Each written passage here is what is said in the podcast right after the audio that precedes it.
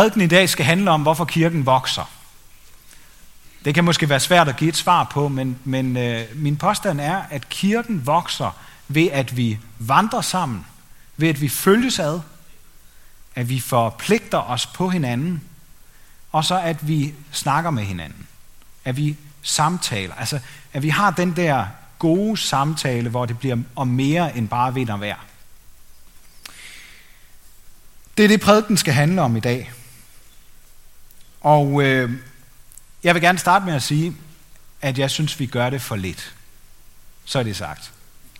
Vi gør det simpelthen for lidt. Vi vandrer for lidt, vi bruger samtale for lidt. Øhm, her for nylig, så, øh, øh, så slog det mig, at, øh, at jeg snakkede med min, min søn Anton på fem år. Og øh, det var lidt sjovt, fordi det gik simpelthen op for ham.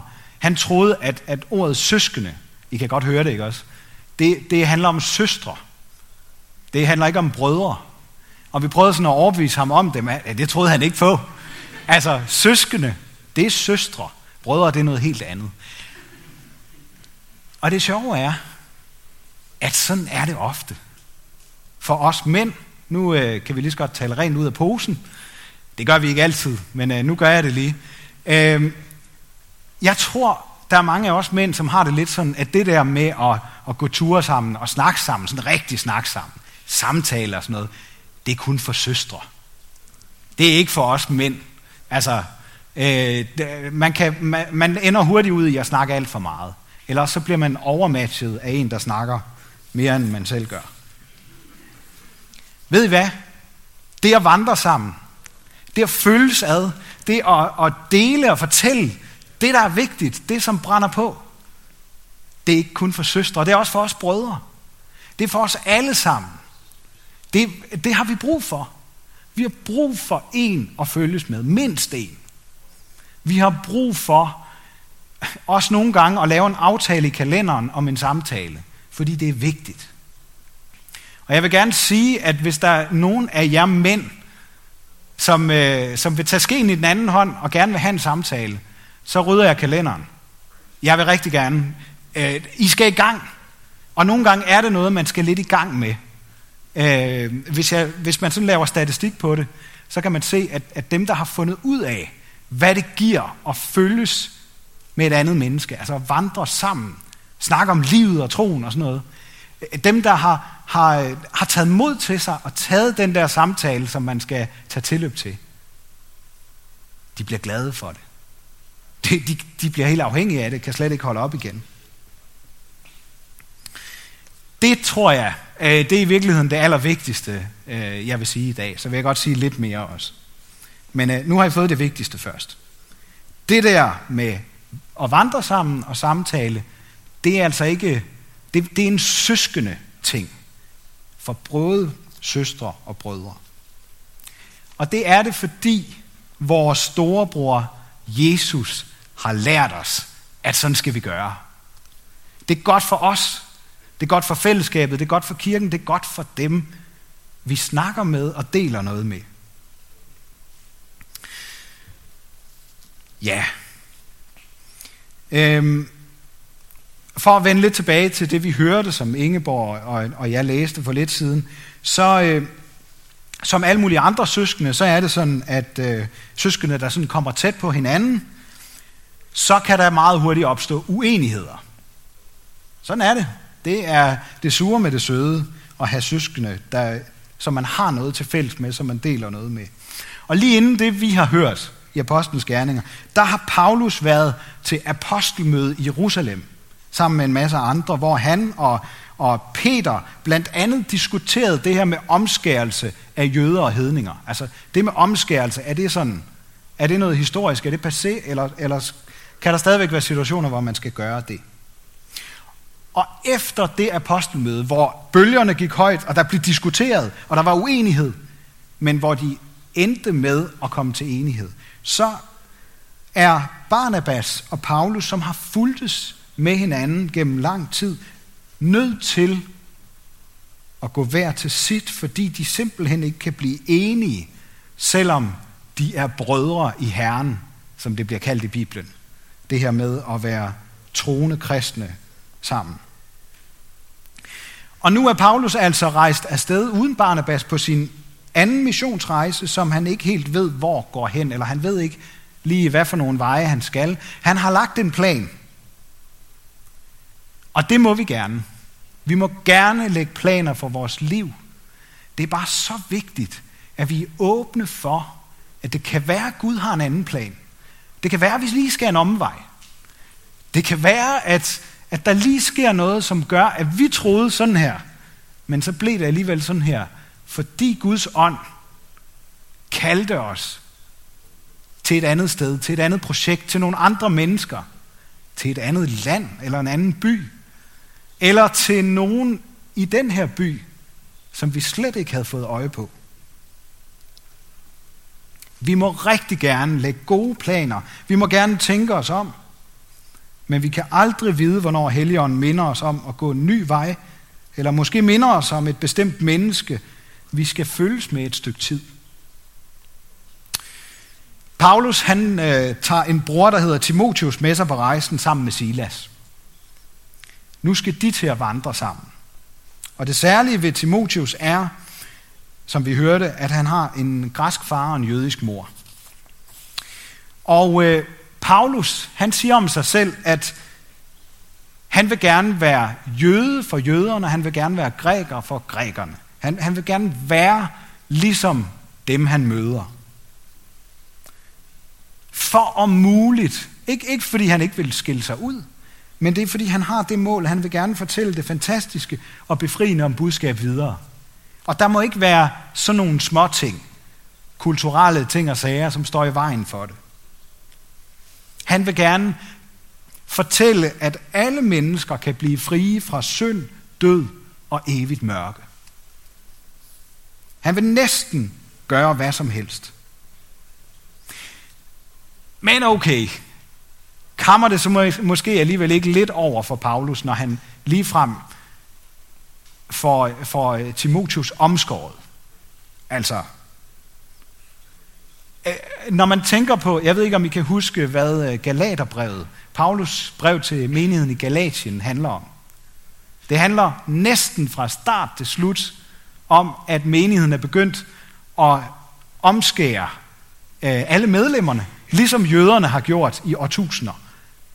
Og Paulus fortæller dem, at de er fuldstændig gået ud af en gal vej. I skal ikke omskæres for at være særlig gode kristne. Han advarer dem mod at lave deres egne selvlavede tegn på, at de er rigtige kristne. Ja, det er måske ikke så aktuelt for os, det med, med omskærelse. Jeg tror, de fleste af os herinde er, er ret enige om, at øh, øh, det er ikke noget, vi bruger. Øhm, men har vi andre selvlavede tegn, som vi bruger til at fortælle alle andre, at jeg er i hvert fald en god kristen. Måske endda en lidt bedre kristen end så mange andre. Sådan så man kan skelne mellem de rigtige og de forkerte kristne. Har vi så nogle selvlavede tegn? Jeg vil gerne sige det meget klart og tydeligt. Det er ikke det, der får kirken til at vokse. Og det er ikke det, der styrker os i troen på Jesus. Det kan godt være, at det styrker vores tro på, at vi er lidt bedre end andre. Men det styrker os ikke i troen på Jesus. Fordi det handler nemlig om, at vi skal ikke statuere eksempler.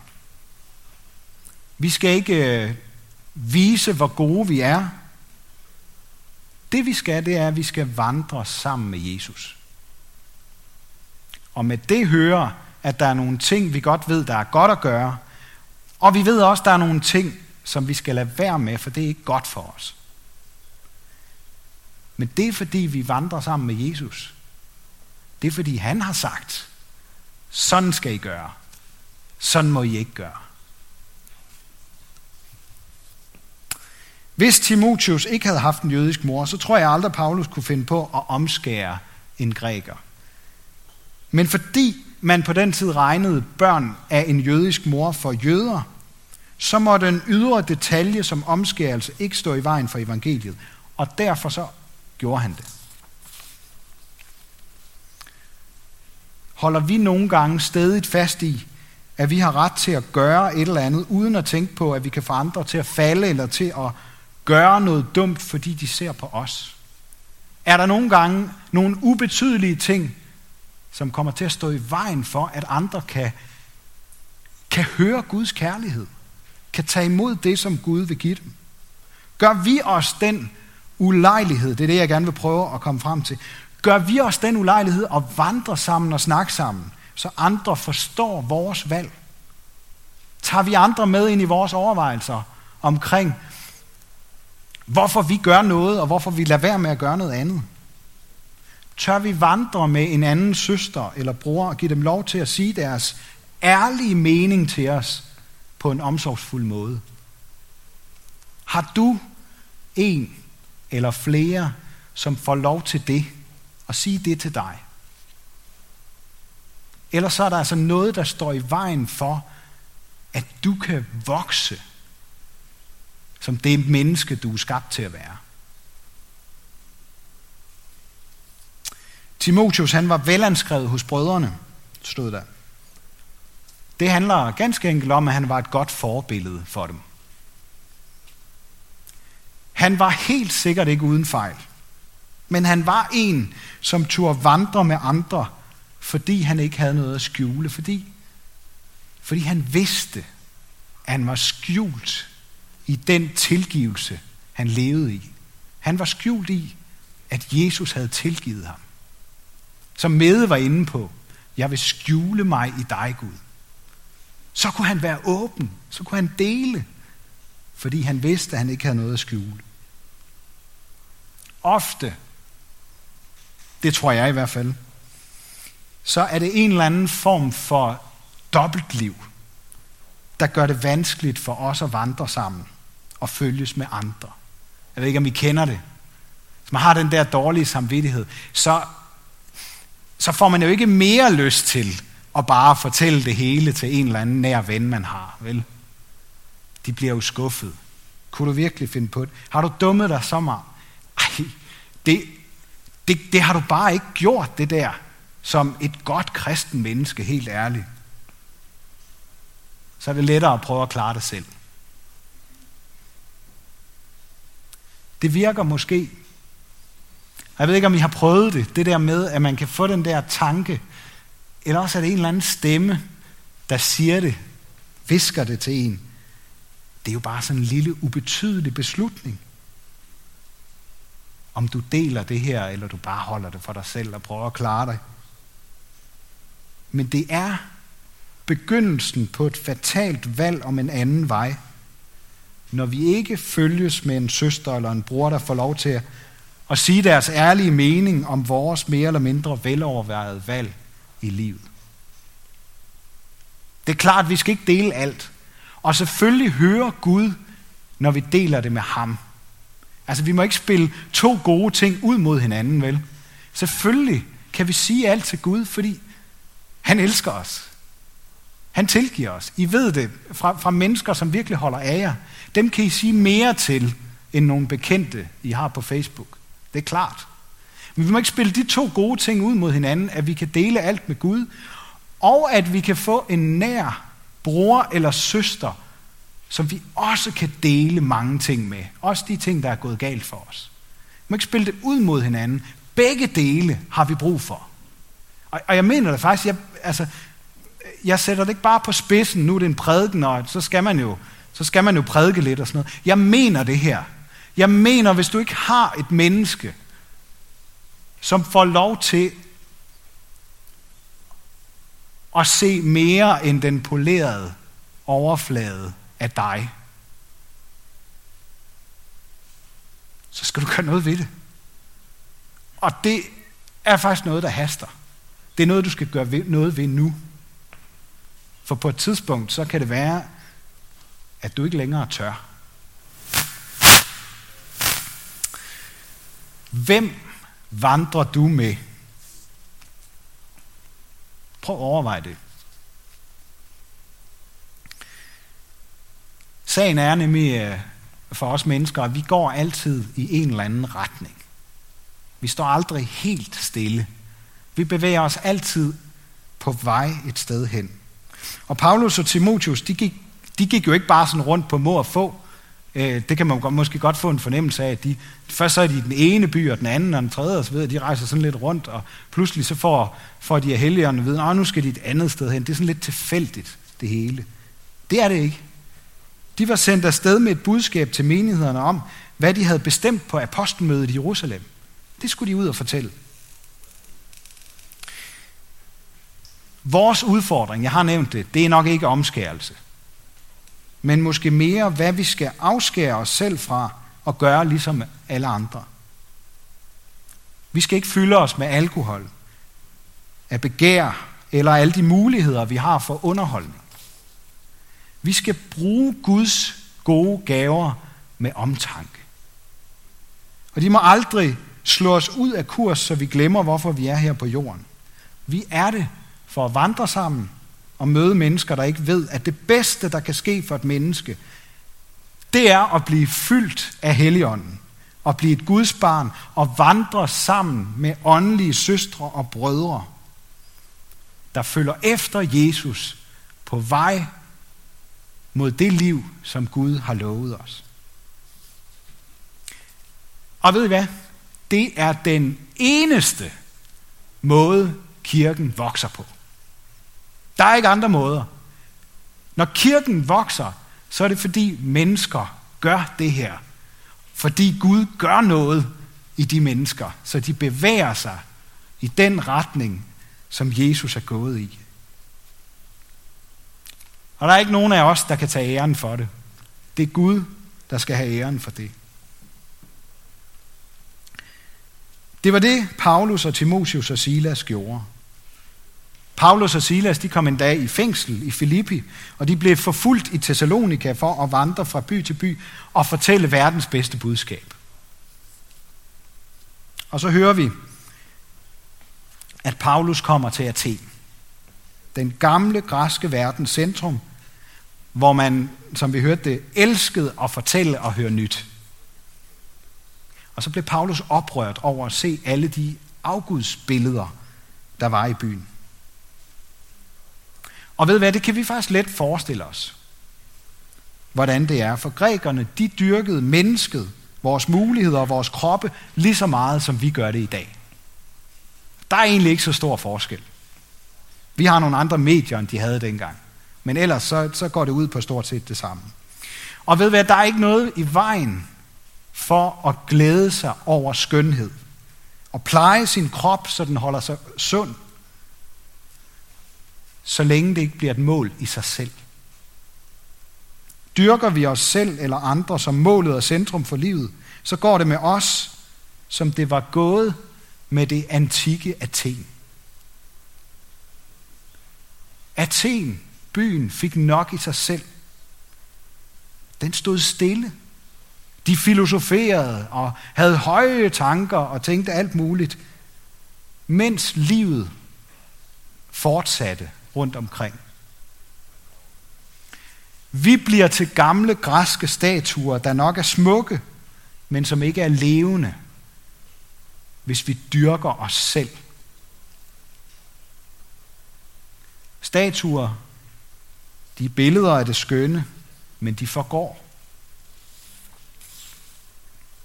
Som Lots kone fra det gamle testamente, I ved fortællingen om Abraham og Lot, som havde en kone, der fik muligheden for at redde livet ved at følge Guds engel og flygte ud af Sodom og Gomorra, som Gud ville, ville ødelægge. Men hun kunne ikke lade være med at vende sig om og se med kærlighed på den verden, som hun havde mistet. Hun blev til en statue af salt. Det er det, der kan ske for os, hvis vi dyrker os selv i stedet for at dyrke Gud, så dør vi af det. Jeg tror, Paulus blev oprørt, fordi han så, han så alle de der levende mennesker for sig på, på Athens torv, der havde gjort sig selv og deres eget liv og følelsen af lykke til en død afgud. De var ved at miste livet. De var ved at stivne. Og det er det, der gør Paulus oprørt. Alligevel, på trods af det, så taler Paulus både med jøderne, de der troede, at Gud fandtes. Han taler med alle folk på torvet, som han traf på. Og jeg tror, det er der vist ikke nogen tvivl om, det har været meget forskellige samtaler. De filosofiske af dem, de kaldte ham et sluderhoved, mens andre synes, det var eksotisk at høre evangeliet om Jesus og om opstandelsen.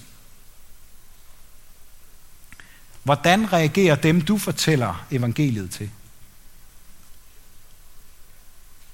Jeg tror ofte, vi lader os stoppe af at blive kaldt naive kristne, og folk siger, at det er noget sludder, vi tror på. Eller også så har vi bare ikke så meget lyst til at være anderledes og stikke ud. Men når vi overvinder den første modstand, så har mange mennesker også i dag en nysgerrighed, der kan give os lov til at fortælle, hvordan vi tror, verden hænger sammen. Og det oplevede Paulus den dag, hvor han fik lov til at fortælle om en ukendt Gud på Areopagos. Så nogen lærte den kristne Gud at kende for første gang. Og der var kun én grund til, at han fik den mulighed. Ved I, hvad det var? Han stillede sig til rådighed for Gud, og han førte samtaler med mennesker. Derfor fik han mulighed. Der har sikkert også været nogle diskussioner imellem. Det, der er udfordringen i forhold til at høre det her og så oversætte det til i dag, det er, at vores situation er anderledes. Der, de fleste har jo hørt om, hvad kristendommen handler om, så det, det er ikke så nyt, det vi kommer med. Det er ikke nyt og spændende. Det kan endda komme til at lyde skråsikkert, når nogen påstår, at de kender sandheden. Og som danskere, mig selv inklusiv, så vil vi hellere selv vælge, hvad der er sandt, og hvad der passer til os. Sådan har vi det jo også, når nogen kommer og vil belære os om sandheden. Det kan være meget godt lige at huske. Men jeg tror, at nysgerrigheden hos andre kan vækkes, hvis vi tør vise et tydeligt menneske og en tydelig tro med fejl og mangler, der henter sin styrke uden for sig selv. Og det var også det, Paulus gjorde i Athen. Og det var anderledes. Han tegnede ikke et billede af noget, de kendte i forvejen. Men han fortalte dem om, om den, der er fuldstændig anderledes og ubegribelig.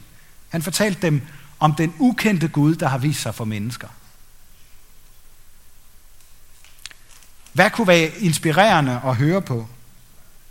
Det vi kender, eller det, der er anderledes? Kunne det ikke være spændende at høre om en, der tør være ærlig og godt kan erkende, at jeg ikke kan klare alt selv? I virkeligheden så kender alle mennesker den følelse med, at man ikke kan klare alt selv. Det har vi alle sammen til fælles. Vi er begrænset. Og det er en god start på en samtale, når vi kan komme til at snakke bag om, eller bag om alle fordommene og få en relation i stedet for. Så er åbenhed og nysgerrighed altid en god indgangsvinkel til en samtale. Hvis vi ikke er åbne og nysgerrige på andres liv, hvorfor skulle de så have lyst til at høre om, hvordan øh, vores liv hænger sammen, og hvad Gud betyder for vores liv. Her til sidst, kirken vokser ved at vandre og samtale. Det gør den også i dag. Og noget af det mest fantastiske, det er, at Gud både vil fortælle os retningen, vi skal gå i, og han vil også give os de ord, vi skal sige i samtalerne. Spørgsmålet, det er, om vi vil lade os bruge. Om vi vil vandre med andre søstre og brødre og være i løbende samtale med dem, vi møder. Det aller sidste, og det er vigtigt for mig at slutte med det. Det allerbedste, det er det evangelium, det gode budskab, vi har fået. Jesus, han vil selv gå foran os som en god hyrde går foran sin får. Vi kender hans stemme, eller også kan vi lære den at kende, og han kender os. Og så er det vigtigt at tænke på, at der findes ikke den vej, som Jesus ikke kender. Der findes ikke den samtale, som Gud ikke har forberedt for os, inden vi havner i den. Det er den helt konkrete måde, Jesus går foran os på. Han har gået vejen. Han har forberedt samtalen. Og så findes der ikke noget bedre end påskens budskab, som englen fortalte i gravhaven. Kristus er opstået, og han går i forvejen for jer. Ære være Gud, vores far, der har skabt os i sit billede. Ære være Guds søn, der tog vores straf, så vi kan slippe fri. Ære være Helligånden, ham der gør Guds kærlighed levende for os.